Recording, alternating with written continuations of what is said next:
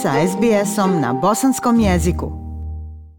Svake nove godine mediji su preplavljeni reklamama za vježbanje i programe mršavljenja koji obećavaju da će vas učiniti zdravijim, ali s naučnim dokazima koji pokazuju da je vjerovatnije da će dijeta prouzrokovati i fizičku i psihičku štetu, sve veći broj zdravstvenih radnika ohrabruje pristup dobrobiti i zdravom načinu života koji se ne opterećuje tjelesnom težinom. Prilog Amy Hall Kraj jedne godine i početak druge često je vrijeme za razmišljanje i donošenje velikih odluka. To je također period kada kompanije za reklamiranje načina i sredstava za mršavljenje troše većinu svog novca za oglašavanje.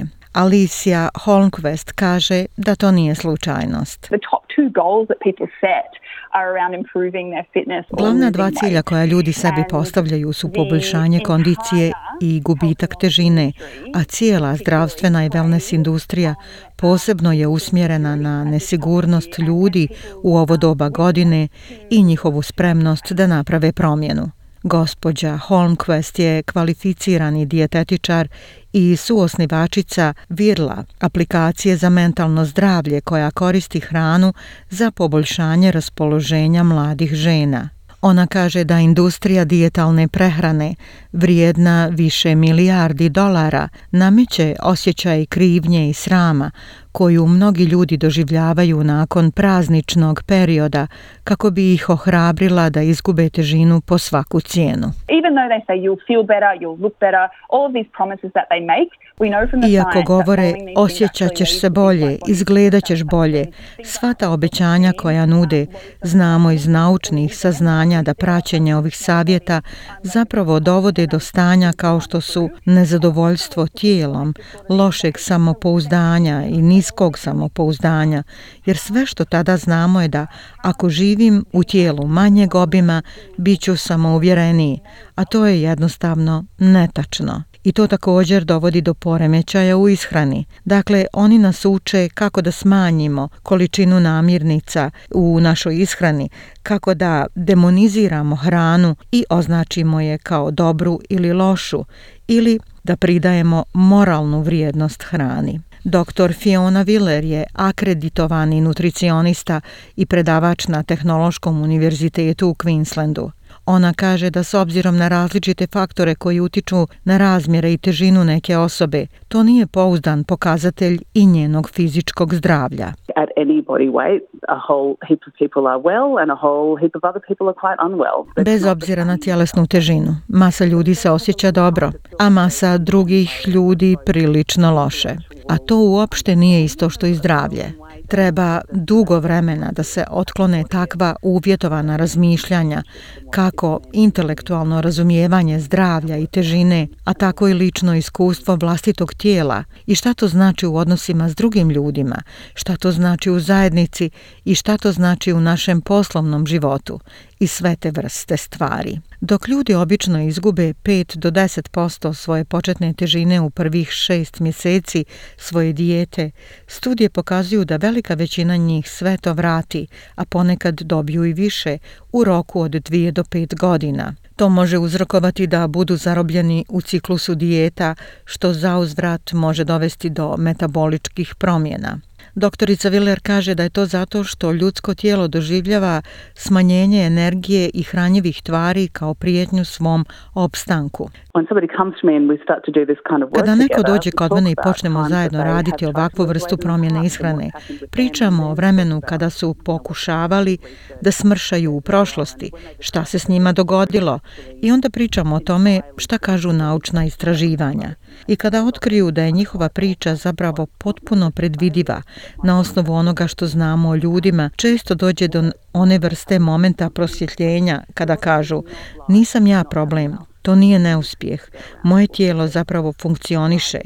Metabolizam funkcioniše kako treba, ali tijelo ne voli osjećati manjak energije i hranjivih tvari i ono će se nastojati zaštititi po svaku cijenu.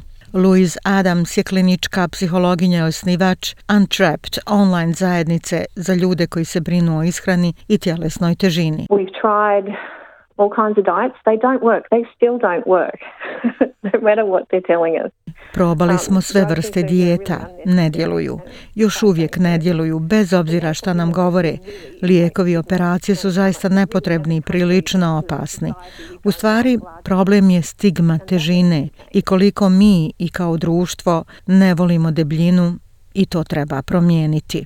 Ideja o prelasku sa pristupa koji je usmjeren na težinu osobe prema neutralnom pristupu težini kao ocjeni nečijeg stanja i zdravlja, gdje treba pristupiti da ono što je važno za zdravlje treba uočiti pri svakoj težini. Gospođa Adams kaže da je sve veći broj medicinskih, zdravstvenih i fitness profesionalaca u Australiji usvojio ovakav pristup.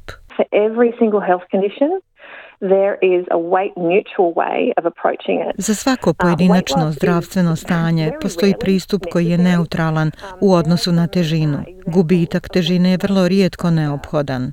Postoje primjeri kada je težina kao prepreka za zdravstvenu njegu. Tako, na primjer, ljudi koji trebaju operaciju koljena, moglo bi im se reći da moraju smršaviti da bi se mogli operisati, a naša organizacija to doživljava kao diskriminaciju, zasnovanu na faktoru težine, što je prisutno u zdravstvu i zato gradimo našu organizaciju da se suprotstavimo ovim idejama, jer preporučivanje nečega što ne radi kako bi se dobio pristup prilično jednostavnoj proceduri koja će uveliko poboljšati zdravlje, to jednostavno izgleda kao stvarno staromodna taktika koja je isključiva i to nije u redu. Ona kaže da činjenice pokazuju da je destigmatiziranje težine i poticanje različitosti i inkluzivnosti u svim aspektima života ključno za poboljšanje fizičkog i mentalnog zdravlja ljudi krupnije građe. If people feel represented and part of a society, their health indicators go way up. Ako se dakle, ljudi osjećaju prihvaćenima i dijelom društva, njihovi zdravstveni pokazatelji se znatno poboljšavaju. To je nešto o čemu ne razmišljamo. Ako vjerujemo da smo članovi omražene grupe, to ima uticaj na zdravlje i to je nešto čime se naše udruženje bavi to je prepoznavanje da težina čovjeka nije važna, nego način na koji se ljudi tretiraju u svijetu koji je rodno mjesto svih ovih zdravstvenih problema. Iako nam je zaista stalo do zdravlja, moramo to riješiti i pomoći ljudima da se osjećaju kao ravnopravni pripadnici zajednice. Slušaoci koji žele više informacija i podršku za poremećaj u ishrani i probleme sa slikom tijela mogu kontaktirati Butterfly Foundation na broj telefona 1800 334 Ja sam Aisha Hadži Ahmetović. Ostanite uz program SBS radija na bosanskom jeziku. Like, share, comment. Pratite SBS Bosnian na Facebook.